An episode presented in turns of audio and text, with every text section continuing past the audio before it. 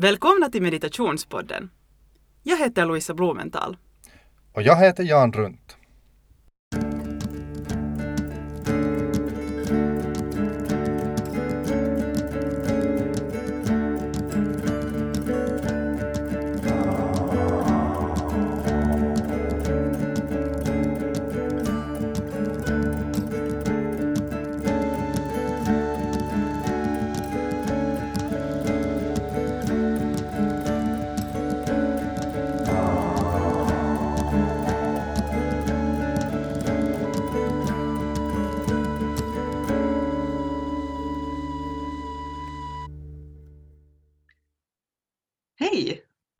Till dagens avsnitt av meditationspodden, avsnitt nummer åtta.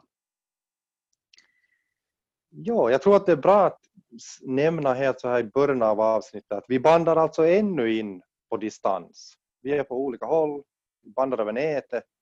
Så att eh, om ljudkvaliteten inte alltid är den allra bästa så det är nu på grund av det. Jepp. Så jag hoppas ni har tålamod med det. Idag hade vi tänkt att vi skulle behandla ett ämne som på sätt och vis kunde ha platsat ganska i början av, av våra poddavsnitt, det vill säga ett ämne som för alla som någon gång börjar med yoga och meditation kommer att vara aktuellt, det vill säga hur väljer man en lärare eller en skola eller en inriktning? Och där har vi väl båda, både du och jag Jan, en hel del tankar och erfarenheter som vi kan dela med oss av. Ja, det där, vi funderar ju på det när vi tänkte att vad skulle vi ha för ämne. Det här, kom, det här ämnet kom lite från det förra avsnittet faktiskt när vi, när vi började prata om det att, att hur, vad ska, eller hur väljer vi en, en teknik som vi använder? Och, det där, och då funderar vi på den här vikten av dels att, att hitta någon egen metod och också då att hitta en bra lärare. Det här kan gå lite hand i hand. Kan förstås också vara att de inte går hand i hand om man vet att det är någon stor inriktning man vill ta sig in på så finns det bra olika alternativ. Men eh, poängen kanske här är den, jag tänkte för dem som nu till exempel bara råkar lyssna på det här avsnittet, som kanske inte har hört igenom hela vår podcast och det där och, och vet att det vad vi pratar om nu när vi pratar om meditation, om yoga, vi har då båda följt en tantrisk inriktning inom yoga. Så det vad vi pratar om är kanske en lite så här, no, vi, har, vi har kallat det för en djupare yoga. En, en yoga som är inte bara inriktad på fysisk hälsa eller fysisk styrka eller uthållighet.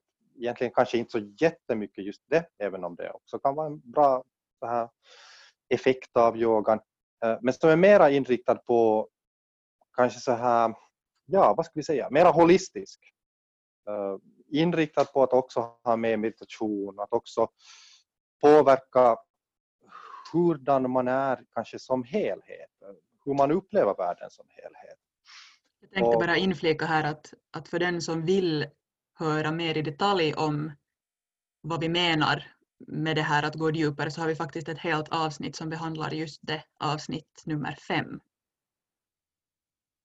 Sant? Ett, ett lite sådär, vad ska vi säga, ett på det viset lite lustigt avsnitt om vi nu ska gå lite här från ämnen, därför för att vi hade lite svårt att komma igång att faktiskt prata om att vad är det vi menar med det här som är djupare. Men till slut tycker jag att vi kom ganska bra fram till det.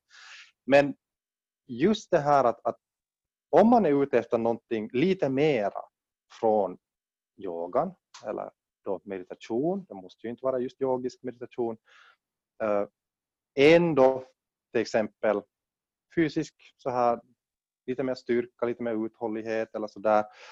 Eller sen å andra sidan om man gör kanske då bara en sån här meditation någon gång för att lite lugna ner sig, utan om man är mera ute efter någonting djupare, kanske lite större i livet och så här så, så det är väl kanske då som det kan bli särskilt eh, viktigt just det här att vad man väljer för metod.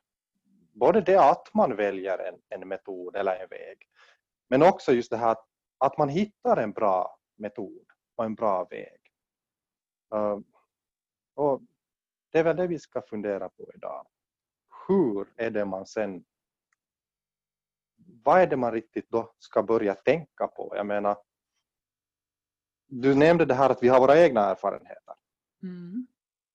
Um, kanske vi skulle börja med att på något sätt försöka just gå igenom lite att vad är det vi har egentligen för så här lärdomar vi har dragit av våra egna liv inom yoga och meditation?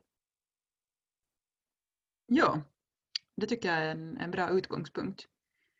Jag vet att det finns ett talesätt som säger att läraren kommer när eleven är redo. Har du hört det? Ja, ja. Tycker du att det har stämt för din egen del? No, alltså jag tror ju själv, då det, det här går kanske liksom, det går ut i ett sånt här lite mer flummigt ämne så vi kanske kan behandla någon annan gång. Men det där, jag tror ju själv att sådana här stora och viktiga saker som händer i livet så, så de händer när de på sätt och vis är sådär liksom, när det pass, liksom, när det är dags för dem att hända. Och för min del när jag träffar min, min lärare då i tiderna så, så det var nog en så stor händelse för mig att, att jag har nog tänkt att, att det var nog liksom, det var liksom dags för mig i det skedet av livet att då komma in på det spåret. Som jag då har berättat i ett tidigare avsnitt så att ni som är vana lyssnare vet så, så för min del innebar det ju helt att jag droppade mina, mina universitetsstudier och, och jag gick helt in på sen att studera med den här läraren. Eh, och det var ganska sådär att det vad ska vi säga, det var, från, det var lite så här från noll till hundra på det viset att, att jag hade liksom inte tidigare egentligen sökt efter någon form av lärare. Jag hade inte egentligen gått och testat på någon kurs här eller gått och sen tänkt att ah, det var inte riktigt bra för mig att testa någonting annat utan det var ganska mycket faktiskt så att, att det var den första gången jag alls Eh, tänkte att, att yoga skulle kunna vara bra för mig, det skulle kunna hjälpa mig med, med lite så här problem med så här spänning som jag hade helt i kroppen och så här lite problem med stress som jag kände av mest fysiskt. Så det var ganska sådär från noll till hundra för min del på det sättet. Och så råkade det sig då att att det faktiskt att, det var liksom ett, ett, ett passligt ögonblick, det var liksom en, en passlig tid för mig. Och jag kan väl säga att jag på sätt och vis, jag har inte haft en sån där um, från 0 till hundra som i att jag har hållit mig med en lärare genom hela mitt liv utan uh, det har nog varit mer så att en en sak har lett till en annan på ett väldigt naturligt sätt men fortfarande så att det kanske inte jag har inte aktivt behövt leta för att hitta det som har känts som det rätta, om man nu kan använda ett sådant ord. Men, eh, men just som du säger, lite i rätt stund ändå, eller som när jag har varit öppen för det så då har det, då har det, vad heter det dykt upp möjligheter som har visat nya möjligheter bakom sig. Mm. Uh, ja, det där... Uh, då tänk, alltså, ja, du sa det här uttrycket att, att läraren kommer när eleven är redo. Um, men det är ganska svårt. Vad ska vi säga? Vad ifall inte läraren kommer? Det vill säga, vad om det är så att, att till exempel du som hör på det här, så, så du har blivit intresserad av då, att, att, att hitta just det här som vi har pratat om, en sån här djupare form av, av yoga, en bra meditationsteknik, att få en rutin på det här sättet. Uh, men, men du har inte på det viset, det har inte, det har inte bara liksom råkat komma till dig, här är en lärare. Vad skulle du, jag menar, jag vet att jag i tiderna så, så jag hade bara tänkt tanken att ah, kanske jag borde testa på yoga och, och så råkade jag se en affisch på stan. Det var helt bara uppklistrat någonstans. Och det råkade bara vara så att det var sådär att ah, okej, okay, det, det är en ny kurs som börjar. Den ligger inom så här passligt avstånd från vad jag rör mig annars och, och jag vet inte om det säkert stod något pris och det där priset var dessutom så här ganska förmånligt. Och så tänkte jag att ah, okej, okay, det här är ju bra. Uh, och sen så ledde det vidare men jag vet ju att du har, precis som du sa, att du har på det viset, du har, du har gått från lite så här, du har kanske haft en mer då varierad väg, att du har gått från, en, från en kurs till, till att ha varit på en viss form av retreat eller en viss form av så här längre mm. kurs och stannande. Hur, hur i praktiken gjorde du i tiderna när du då hittade de här olika? No, jag tänker att det, det har varit jättemycket nog bara intuitivt. Um, och det kanske också är just rådet när du lite slängde in en fråga där också samtidigt med, med vad jag ska säga till någon som söker och läraren har inte, har inte visat sig ännu. Att för det första kanske liksom just att, men vilket är jättesvårt, um, att kanske sluta just sluta söka den där läraren um, eftersom man antagligen har någon bild av hur eller vem den ska vara eller på vilket sätt den ska dyka upp. Liksom. Det behöver inte vara att den kommer gående med, med liksom en orange dåti, ett sånt här tygstycke runt sig och, och just liksom um, talar i suttror uh, eh, utan det kan vara någonting helt annat och, och jag, jag kanske lite motsäger mig här också men, men varför skulle det i och för sig inte kunna vara i början så att det inte är ens en människa utan det kan vara någonting helt annat. Det kan vara en bok eller det kan vara någonting som bara visar en in på vägen. Um, men för mig själv har det varit nog, det har varit ett sökande som har funnits i bakgrunden efter någonting som jag inte riktigt har vetat vad det har varit. Och sen alltid när jag har hittat någonting som har kännats som att det på sätt och vis leder mig in i just det jag har varit intresserad av så har jag följt det. Och till exempel första gången så, så råkade jag sen bara, när jag egentligen hade bestämt mig redan för att flytta in i, i ett ashram och göra en, en utbildning så råkade det sig bara att jag hamnade på ett helt annat ställe uh, på en resa som jag var och där hitta andra saker men fortfarande inom den tantriska traditionen.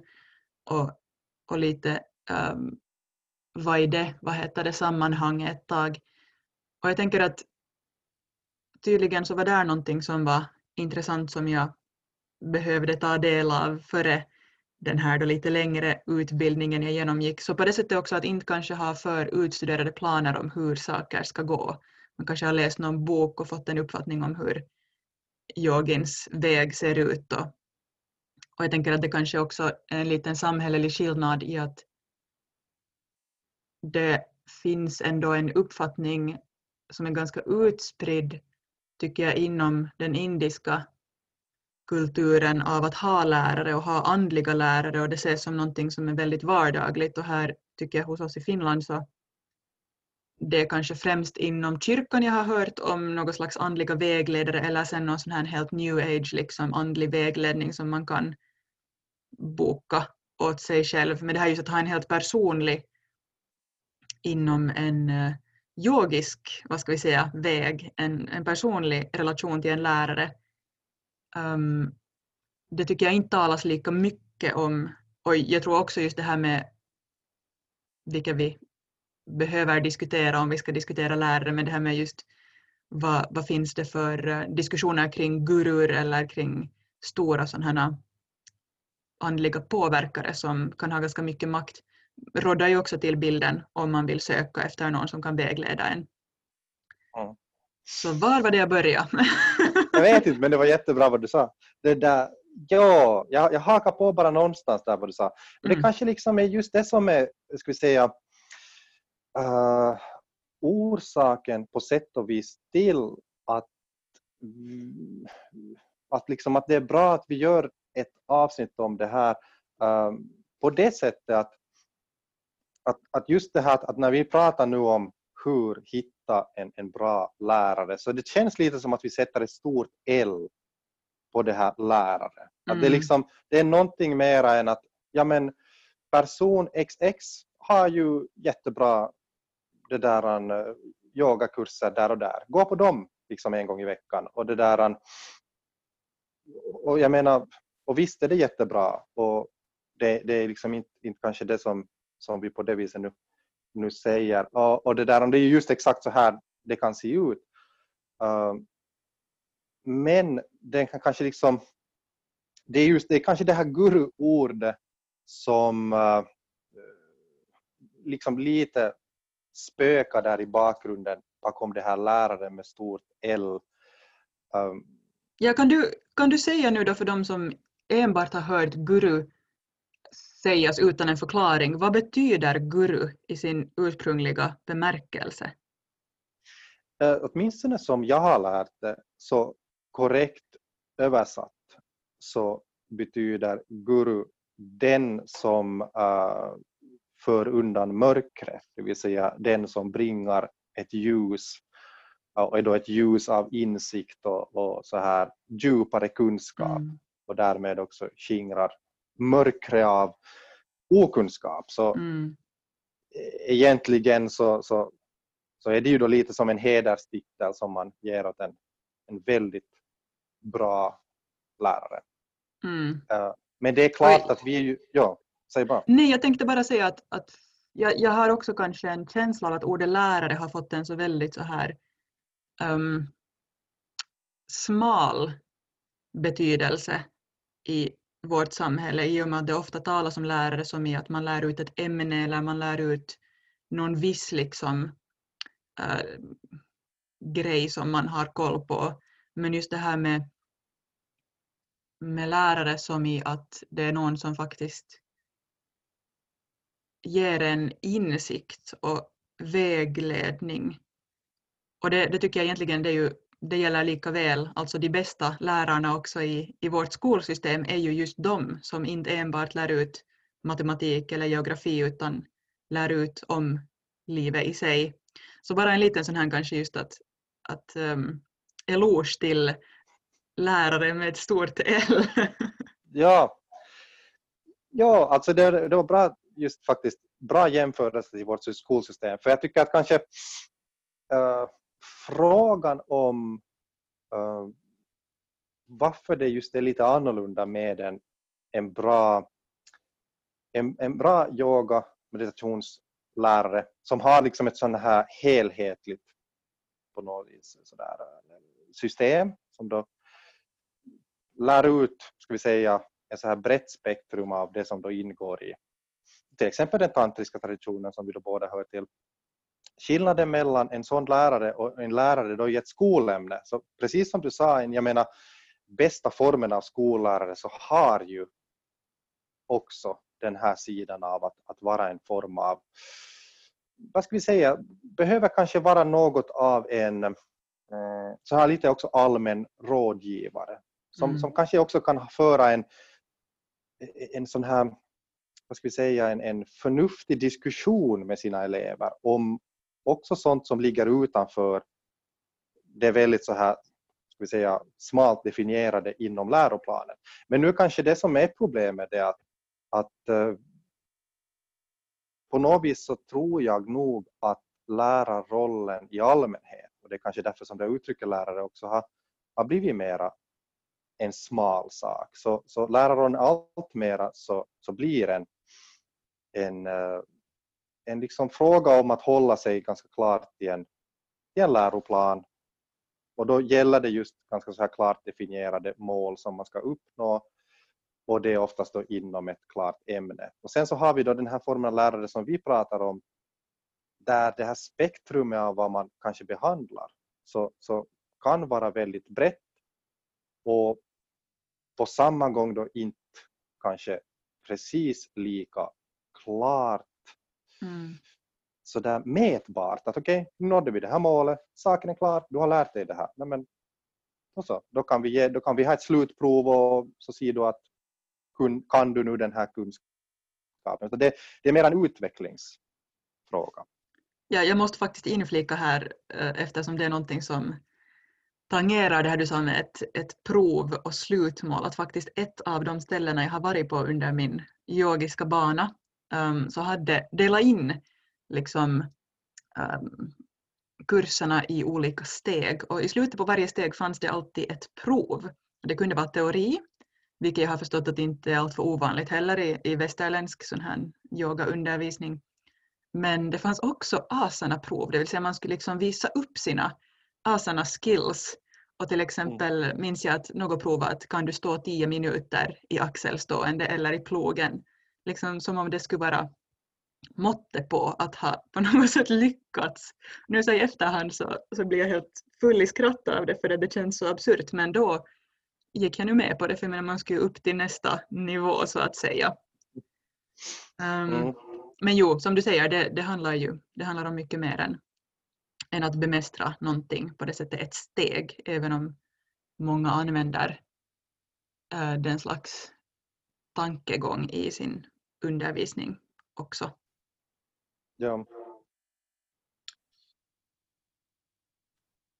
Men jag tänkte att om, om vi ser på det här då med hur man ska hitta en lärare så kan det ju vara att det finns någon som faktiskt inte har intresse av någon, någonting annat än att lära sig. Den vill hitta antingen det här som vi jätteofta pratar om, det här med en smidig kropp och ett liksom, Ähm, um, harmoniskt sinne. Men det kan ju också vara att någon faktiskt bara vill lära sig stå på händerna, göra liksom sådana yogatrick. Och då är det ju inte, vad ska vi säga, då är det ju inte mer än att söka efter någon som själv kan de där sakerna och på sätt och vis kan marknadsföra dem så att man kan hitta dem och sen, sen lär man sig av den. Så hur ska man hitta en människa då om man är intresserad av någonting annat än, än det också? Hur, hur liksom marknadsför sig i dagens värld en lärare som lär ut livet? Hur hittar man dem? Ja, alltså för det första så är ju vår utmaning här att hur ska vi besvara den här frågan utan att säga att det är ju enkelt för du har hittat till vår podcast. Så då kan du, då, då kan du också lätt hitta vår hemsida hamsa.fi och eh, söka upp eventuella retreater och kurser. Nej, no, uh, mm, ja. Jag tänkte ju säga att ett tecken på en bra lärare är anspråkslöshet. det där, ja, det var bra. Uh, ja. Det vill säga, okej okay, om jag tar det lite allvarligare så alltså på riktigt så tänker jag ju att ett bra tecken på en, en lärare som antagligen har lite mer i bakfickan än än um, kunskap om olika ställningar är någon som faktiskt har en lång tradition bakom sig. Det för mig har varit väldigt viktigt att veta att det är inte bara nu, um, nu tar vi bara ett namn här, det är inte bara Jukka som har vaknat på morgonen och liksom hittat på en massa intressanta saker. Vilket om man har tur är väldigt bra saker, men om han inte har tur så är det någonting som han nu liksom tycker är roligt men det kanske inte i längden är jättehållbart. Utan det är faktiskt det är någon som har tagit del av metoder och provat dem själv i en lång tid. Men innan den så har det också varit en hel drös med andra föregångare som har provat dem och liksom gett vidare dem på ett sådant sätt att man har en produkt, eller vad man kan kalla det en produkt, men man har en metod som faktiskt är så här eh, empiriskt testad. Ja, det var, där, det, var, det var faktiskt nära då tidigare när jag pratade om skollärare att jag sa någonting om att, att det här är ju inte en lika exakt vetenskap, men det stämmer ju inte. Mm. Det är bara det mm. att det inte kanske är en lika lätt mätbar vetenskap. Att det går inte liksom kanske lika lätt att säga att om du sätter in de här två ämnena i den här lilla skålen så kommer du att märka att det här och det här händer, jag menar som i kemi. Men, men däremot, ja, uh, det är ju just det Eh, att det är en vetenskap och, och det, det, är precis just bara det att det enda sättet man har kunnat utforska de här ämnena är genom, genom en väldigt lång tid och genom en väldigt lång tradition. Så jag tycker att det är en jättebra poäng. För uh, på något vis så tänkte, så tänkte jag att jag menar under det här avsnittet, jag tror vi båda just funderat, man kunde också nämna kanske det att, att vad är de här, vad är de här fallgroparna? Mm. Och jag tycker absolut att det är en fallgrop när det gäller att hitta en bra lärare inom en då, jag säga att inom en djupare form av yoga eller överhuvudtaget i ett sökande då efter en, en så här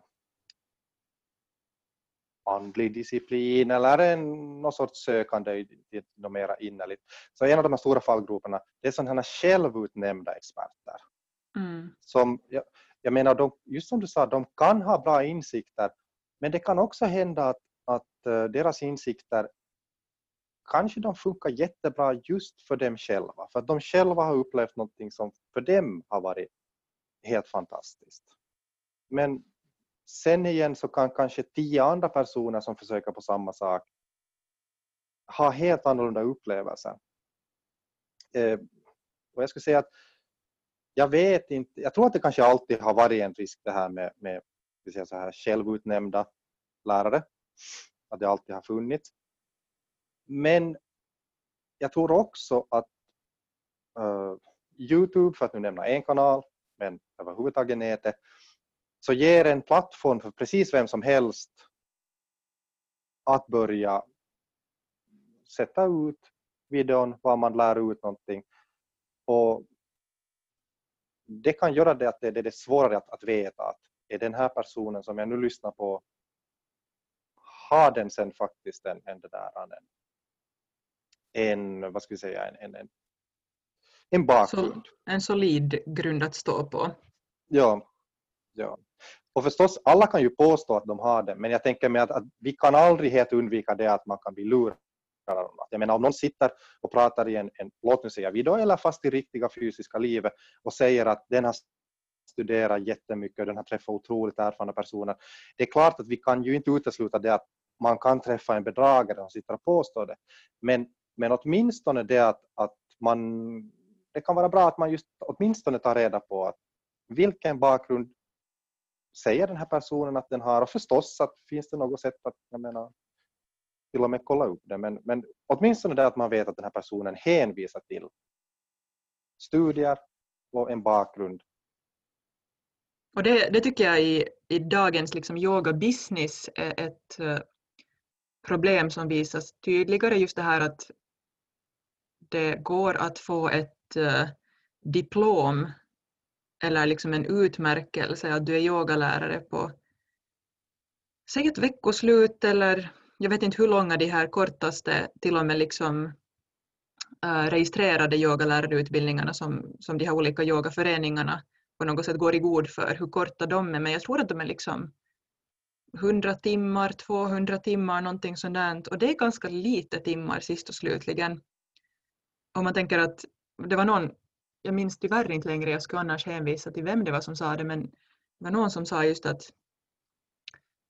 att om du tänker på hur många timmar du kräver att din läkare ska ha, som har hand liksom om din fysiska kropp och välmående, så varför kräver du inte att samma timmar skulle gå in i, i den utbildningen som den som har hand om ditt liksom hela uh, holistiska välmående skulle ha?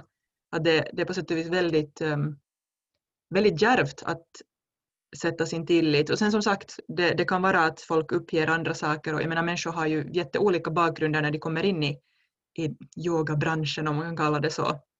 Så någon kanske har helt annan erfarenhet som fyller i där var äh, själva yogautbildningen kanske då saknas men, men fortfarande att man faktiskt tittar att vad, vad stöder den här människan sig på.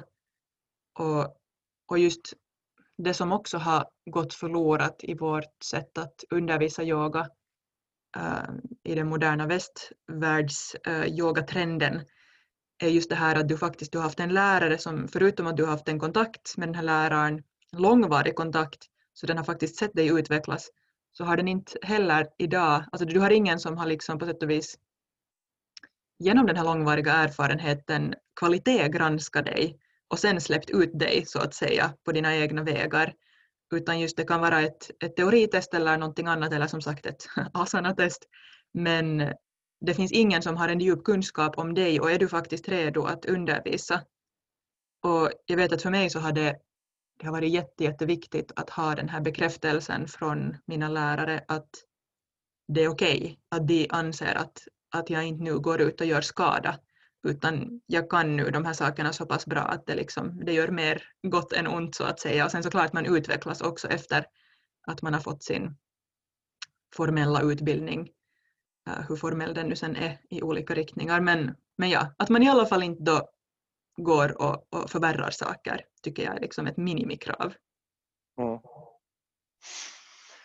Ja, så det där äh, bakgrund, alltså en gedigen så här bakgrund.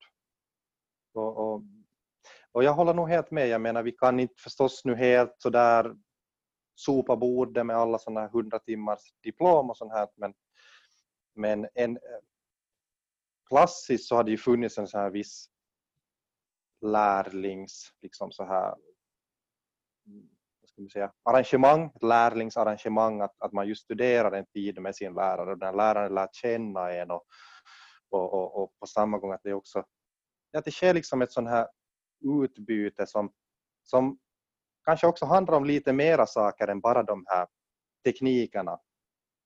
Nu gör du så här, nu gör du så här, men också, också just att man ja, att man kanske påverkas lite som person för att man själv också har den här rutinen och, och att man umgås sen med, med en, en väldigt erfaren person som okej okay, det händer något hack där men det där, eh, umgås, ja, att man umgås med en erfaren person som, som märker att, att nu är man redo själv då att undervisa. Uh, så vi har liksom sådär, försök kolla vad har den här läraren för bakgrund? Mm. Uh, det andra som, som jag vet att jag åtminstone inte hade någon så här chans till eftersom det på något sätt var lite sådär att jag ramlade in genom dörren hos min lärare och sen så bara hängde jag kvar där.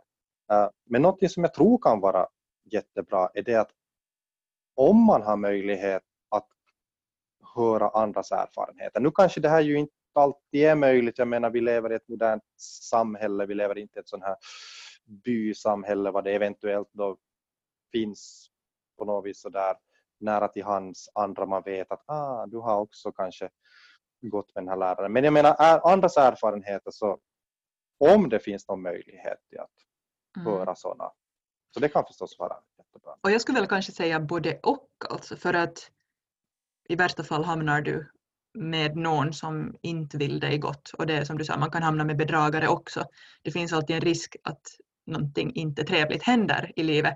Men jag skulle ändå vilja påpeka att det här med att kolla andras åsikter också kan leda en fel för jag är jättenog mycket för att man, man borde träffa den där läraren, umgås med den och se vad liksom, hur känns det och framförallt just det här helt intuitiva, hur känns det?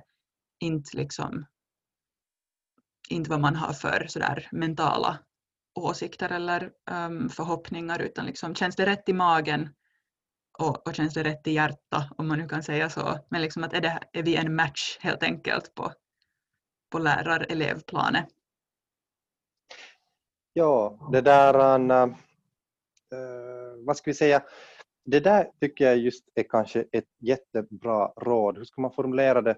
Eh, att, att liksom för nu tänker vi ju då oss en, en sån utveckling här att man faktiskt då kanske vill studera lite mera intensivt. Nu säger jag inte att man måste göra som vi som i tiderna lämna sådana här andra studier åt sidan och faktiskt gick in på att heltidsstudera det här. Men alltså liksom att man faktiskt vill ändå få, få lite mera så att säga. Så, så kanske just det här att man uh, tar, tar liksom ett steg i gången. Och, och det hade jag kanske hos min tur eh, nog möjlighet att göra. Att jag började liksom, jag började på en öppen vanlig, vanlig kurs, det vill säga det var helt då planscher på, på väggarna i stan och, och en öppen grupp dit, då, dit man kom och, och gick några veckor med lärare.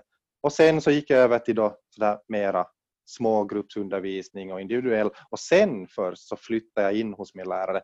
Och det här gjorde ju att, att det gick liksom steg för steg. Jag kunde, jag kunde i vilket skede som helst ha märkt att, aj, att, liksom att, att jag, jag, jag upplever inte helt att det här är liksom min jag menar dels att jag skulle kunna tycka att ah, jag tycker inte riktigt att vi går ihop, liksom, liksom, att det här är inte ändå min typ av på något sätt då, lärare. Eller sen det att jag skulle ha märkt att att men den här personen verkar inte helt pålitlig. han säger det ena den ena dagen och den andra dagen säger han något helt annat. Liksom något sånt här. Att det var inte så att jag direkt uh, kastade allt åt sidan och flyttade in någonstans och, och på något vis förband mig till mera än vad jag var redo till i det skedet. Och, och mm. Du gjorde väl också lite likadant att då när du for och, och studera längre på ett ställe. Så då började du väl med att vara en, en så här nog lång men ändå, du förband dig inte i början till en här riktigt lång. Nej, det var, ju, det var på det sättet just att om man ville bli uh, del av den här utbildningen då till yogalärare um, så då behövde man först själv gå en ganska lång retreat. Och då på sätt och vis så gav det ju en inblick i hur, hur, funkar det, uh, hur funkar de här metoderna för det första, liksom, ger de mig den, um, de effekterna som jag är ute efter eller ger de mig, liksom, sätter det mig i ett tillstånd som jag tycker att verkar positivt eller är det, ja, är det någonting jag kan lita på, det här de undervisar i. Och sen samtidigt gav det ju en möjlighet att träffa dem som undervisar och lite se liksom hur saker annars funkar. Um, och på det sättet en lite bättre inblick i är det här någonting jag faktiskt vill spendera många år på sen. För mitt mål var ju alltså då, som jag kanske nämnde tidigare, att vara 12 år eftersom det är det här traditionella uh, elevlärarförhållandet, vilket jag sen av olika orsaker inte nu lyckades slutföra på plats och ställe men, men ja. Mm. Och det, det kanske just jag skulle kunna fortsätta på ännu som en sak, att just att också lägga märke till hur, hur blir jag i den här människans närhet? Kallar den fram um, sidor i mig, vad ska vi säga, lyfter den mig? Påverkar den här människan mig på ett sätt som gör mig till mer än vad jag har varit i slutändan? Alltså, har den här människan en sån effekt att jag faktiskt att jag utvecklas på ett bra sätt? Och det, det kan ju vara svårt att märka på liksom första gången eller andra gången men just om man är lite mer tillsammans eller är med på lektionerna så är det bara just det här att, att jag nu blir lite inlullad um, i någonting och, och liksom mystiska saker eller blir jag faktiskt mera medveten om mig själv? Blir jag klarare?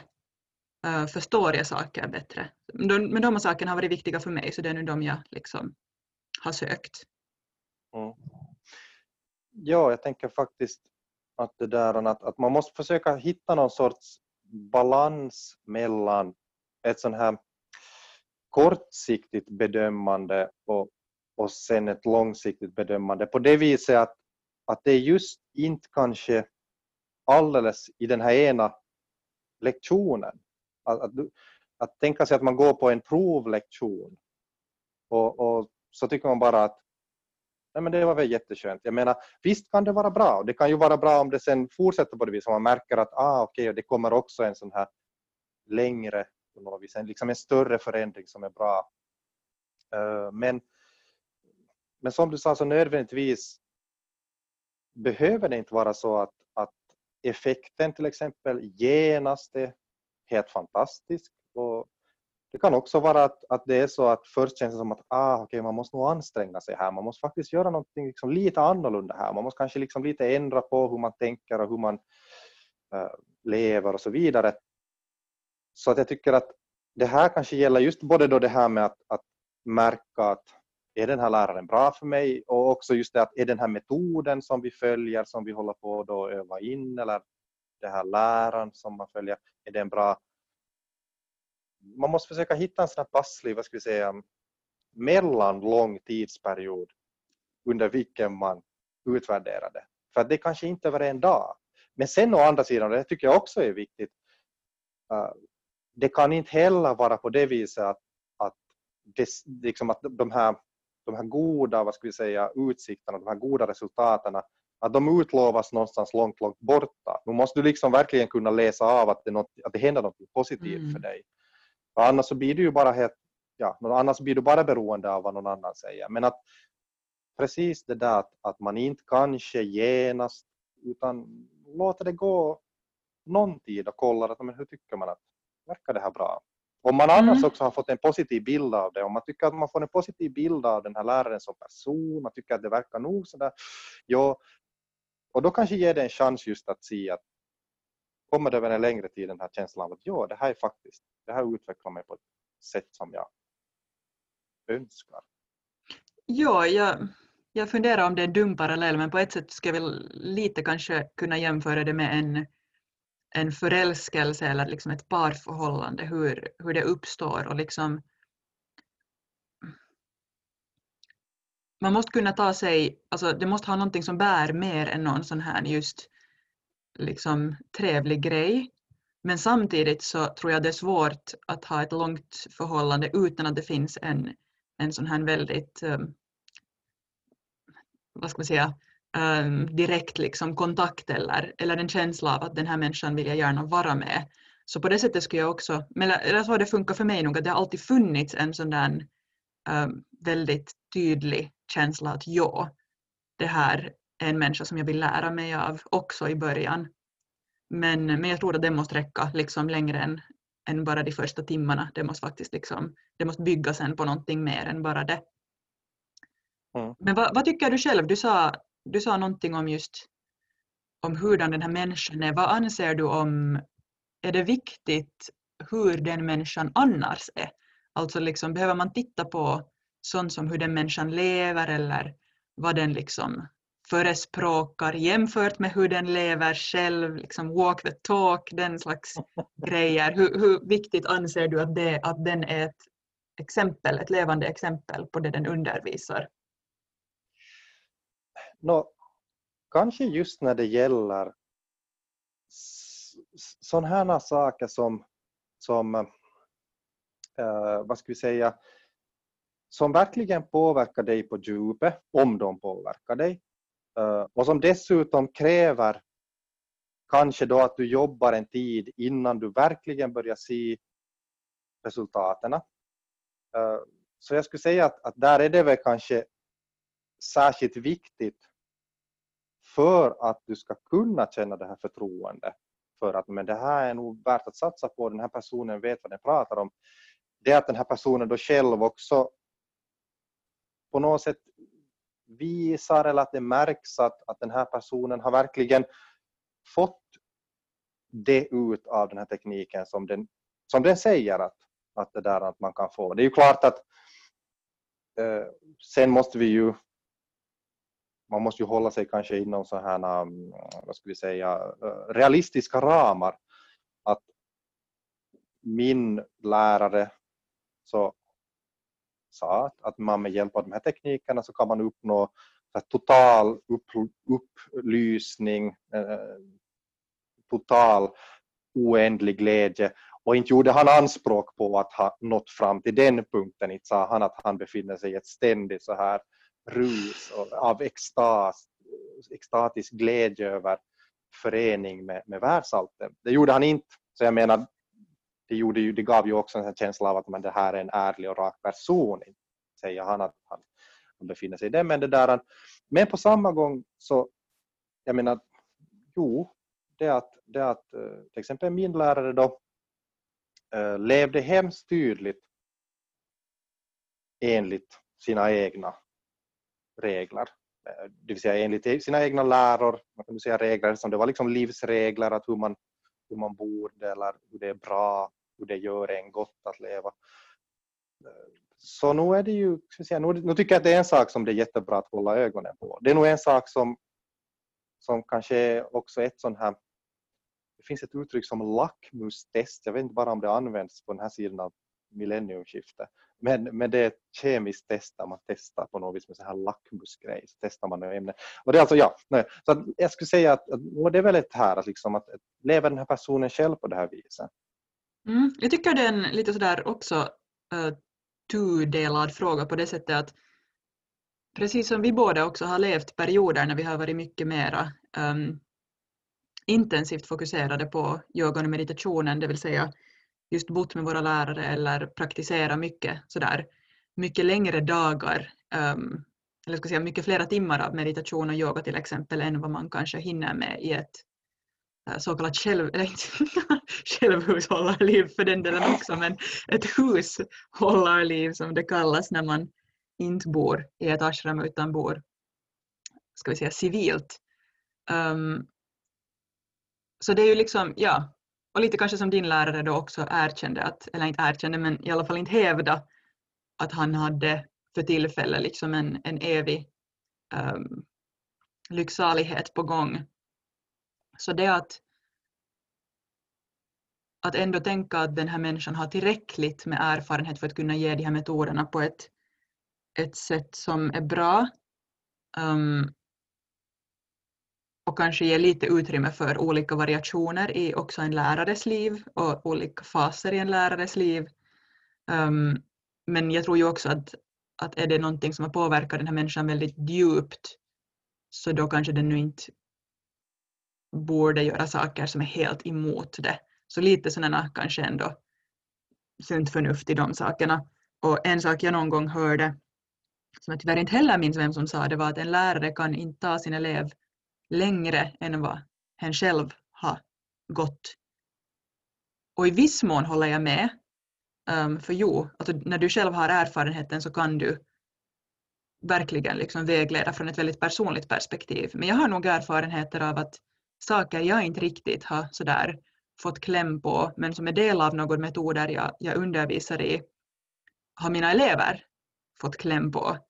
Um, så på det sättet är det tycker jag också en lite intressant fråga där att hur, var ska man dra gränsen för hur mycket, just hur, hur upplyst ska en lärare vara innan du kan lita på att den har någonting bra att ge? Förstår du vad jag menar?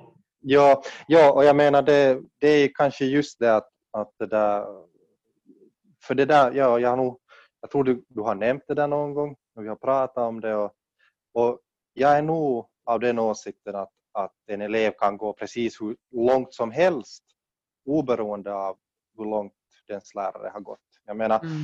det är ju just det att, att tänka man till exempel på, på den tantriska disciplinen som vi då lär ut eh, så som vi har konstaterat, det är på sätt och vis, det är på sätt och vis en vetenskap. Det, det, det är tekniker, det är metoder som, som egentligen, alltså i princip, skulle en person ha råkat lära sig hela det här batteriet av tekniker, eller fast en del av dem, men liksom faktiskt lärt sig riktigt bra hur de går till, vad de går ut på och lära dem vidare åt någon. Men själv kanske vara alltså totalt bara helt människovrak. Men jag menar i princip så dens elev ifall den skulle studera de här teknikerna och det skulle vara verkligt liksom helt korrekt vidareförda den gamla traditionen, tekniker beprövade tusentals år, så den här eleven skulle kunna gå hur långt som helst och det är kanske, det är kanske på något sätt eh, också ganska tröstesamt att, att jag menar eh, det, det är liksom vi kan tänka oss att den här kunskapen skulle kunna överleva i hundratals år bland människor som inte skulle riktigt kanske bry sig om så mycket. Men tänk att ja, men det här kiva, det kanske finns någonting här. Och sen någon vacker dag så skulle, skulle då, de på något vis verkligen blomstra upp och massor med människor skulle inse att okej, okay, wow, här finns det väldigt mycket. Så där måste jag nog säga att, att man kanske ändå vill se hos sin lärare eh, drag av att okej, okay, det här tycks nog fungera i den här personens liv. Och den tycks själv nog tycka att de är värda att, att eh, de här metoderna, teknikerna, de är värda att, att sätta tid på.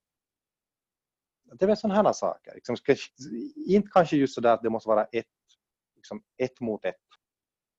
På ett sätt skulle jag väl också kunna säga att okej, okay, det är inte kanske det lämpligaste eventuellt läge att föra vidare en metod om man är i en sån period av sitt liv att man är ett vrak. Det tror jag liksom i princip skulle kunna hända nästan vem som helst. Um, om man till exempel inte gör sina metoder i något skede för att det händer någonting som kastar en av kälken. Men, eh, men samtidigt tänker jag att det här människovraket på sätt och vis också har då den här erfarenheten av vad det är och ja, på sätt och vis också så kan vägleda därför på ett annat sätt. Det var nu bara ett litet försvar här till... till människovraket. ja, till människovraket. Jag, jag tycker absolut vi ska försvara det. Jo, nej, alltså det, ja, ja, nej. Uh, det var, det, det, alltså det, nej, jag, jag menar, jag, jag, tror bara just det att det kanske skulle vara uh, ganska svårt att, att övertyga en elev ifall ja. du råkar vara det här. Men kanske det före detta människovraket. Liksom, mm. blir en ypperlig övertygelse för att den faktiskt har kunskap om vad det betyder att vara på botten och vet ja. hur det känns när man sen kommer upp därifrån. Ja, det där...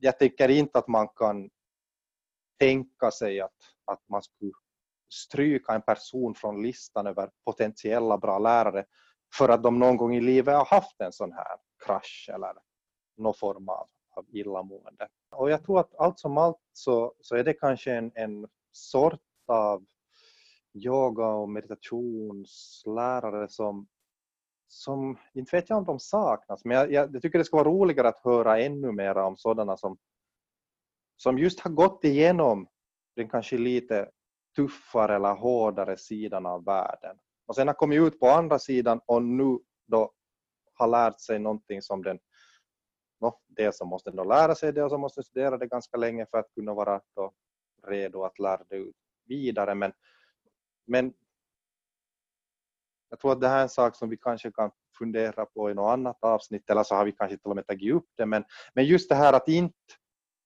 yoga och meditation och sån här mera spirituella praxisar, att det inte blir instängt i en sån här äh, sfär av här är vi välmående människor som, som alla kommer från en trygg medelklassbakgrund och, och aldrig har varit med om, om livets kantigare sida. För det betyder å andra sidan att det kanske inte alltid når den sortens människor som skulle kunna behöva väldigt, väldigt mycket någon form av metod för att komma ifrån ett oroligt och kanske lite så här illamående sinne. Men mm. det här börjar vara en, en lång omväg.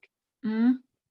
Var var det vi stannade upp så här med att tänka på nya egenskaper hos en lärare? Det var frågan om ju att borde den här läraren leva som den lär? Och vi kommer mm. fram till att, jo, att åtminstone så ska det nog märkas att, att den här läraren har det vad den lär som en, en viktig del i sitt liv. Att det måste mm. inte vara ett mot ett. Det måste vara exakt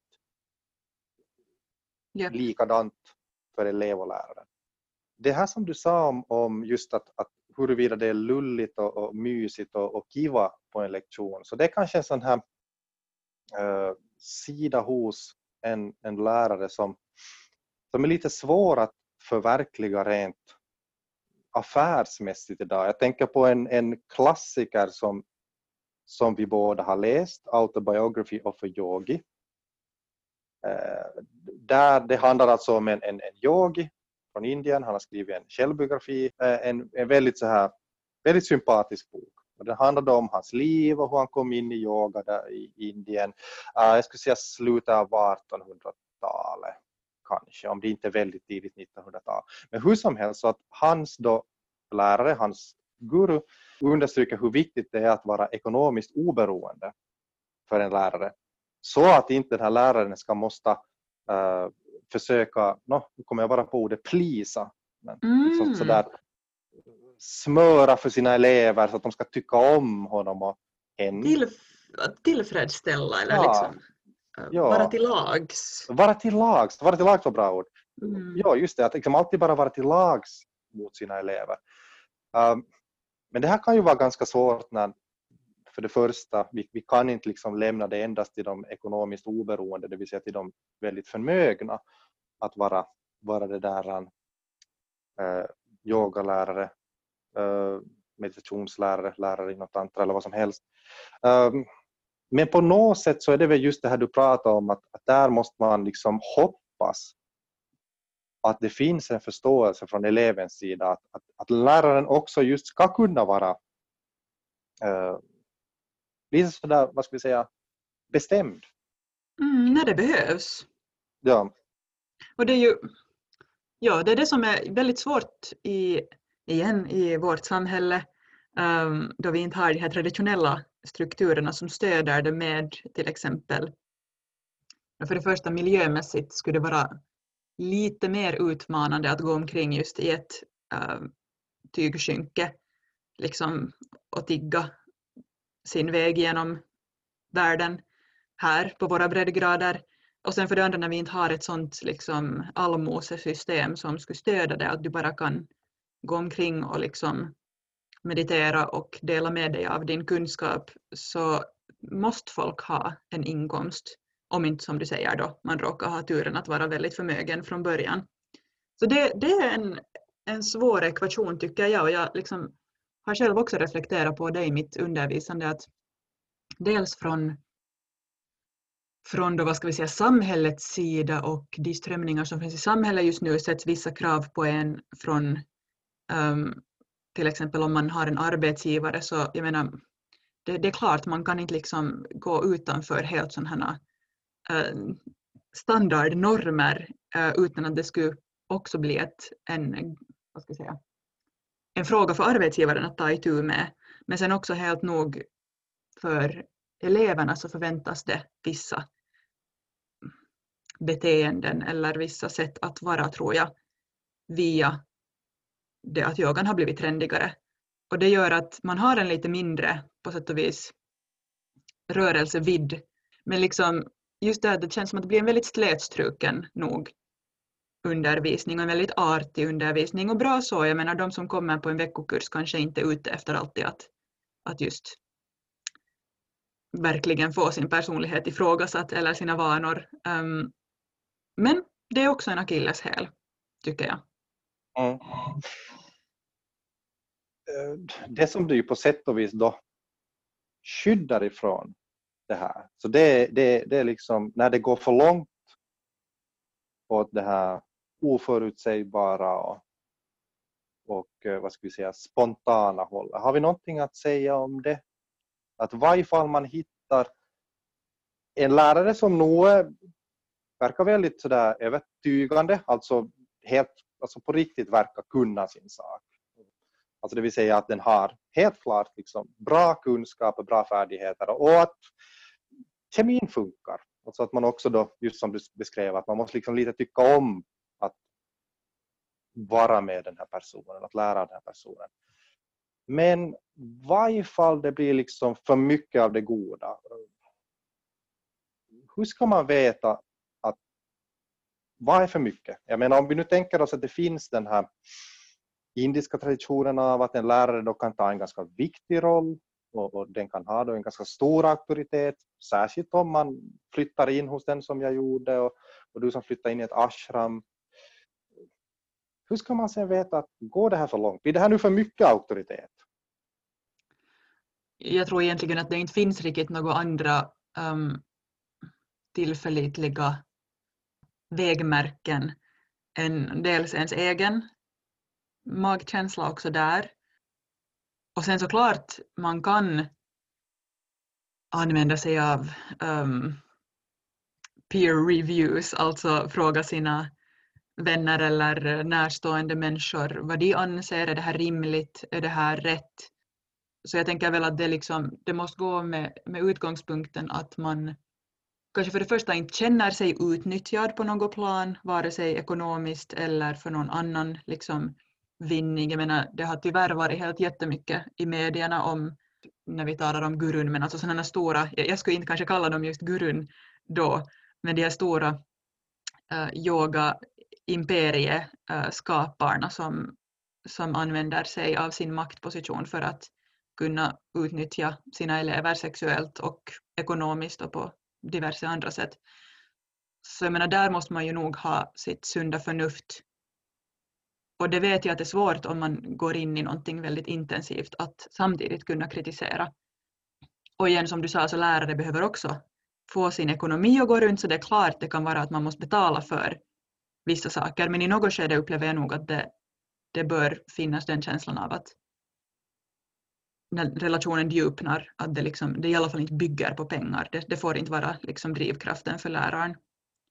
Men, men kanske liksom, ja, det sunda förnuftet tycker jag nu är det, det viktigaste. Och magkänslan igen, jag tror den är jätteviktig. Upplever man att det finns någonting som är skumt så är det antagligen skumt som min mamma brukar säga. ja, ja alltså det finns ju, alltså det är väl kanske det att, att som du sa, jag menar det finns de här yoga imperium byggarna som sen har, har visat sig då ha allt annat än, än eh, goda intentioner uh, och utnyttja sina elever. Och det, jag menar, och det är kanske just det här att, att då frågar man sig att men vad är det inom vad är det då inom till exempel yogan? Vad är det som gör att det kan bli så här? Nå, problemet är väl det att, att när en helt genuin bra eh, utveckling och en helt, helt bra sån här utövning så kan då tyvärr ligga farligt nära det som sen kan slå över i, i det här, någon form av utnyttjande. Eh, man kan säga att, att det kan tyvärr vara en, en ganska smal gräns mellan vad som är att då gå in i en sån här djup praxis på så här nära håll till sin lärare, kanske tillsammans med andra som också är inriktade nu på att gå verkligt så här vidare med en, en djupare praxis. Eh, ja, att det liksom blir en smal gräns mellan det och sen någonting som man skulle kunna börja fråga sig, att, men är det här någon form av kult? Har den här personen byggt upp någon form av kult omkring sig? Och jag, jag antar att det är just som du säger, att, att det enda som man faktiskt kan använda för att inte ramla in i någonting som då kanske är någon form av kult. Så, så no, ja, förutom förstås att just höra sig för. Jag menar nu i vår tid så du kan alltid googla om allting. Jag menar i bästa fall ifall det här är några ganska dåliga cirklar och dåligt sällskap så, så kan du hitta om det på nätet, att det har skrivits om det. Men, men om det inte är möjligt så precis som du sa, magkänsla. Och jag tror också det här att eh, det vill säga att, och det att man liksom, kanske man någon gång kan, kan uppleva också i en helt bra situation med en bra lärare, så kan man nog kanske uppleva att okej, okay, alltså nu blir, jag, nu blir jag pressad till någonting som nu inte är direkt det jag vill. Vi kan säga att kanske, eventuellt, om det handlar om att nu du borde ha en liksom striktare rutin med det här, du borde göra mer av det här. Du säger åh, orkar nu. Men jag menar, då tänker jag mig att det kanske är någonting man tillfälligt upplever. Att man märker sen ganska snabbt, det här var ett bra råd. Att jag hade inte bara tänkt på det, men jag märker ju att det här faktiskt gör mig gott.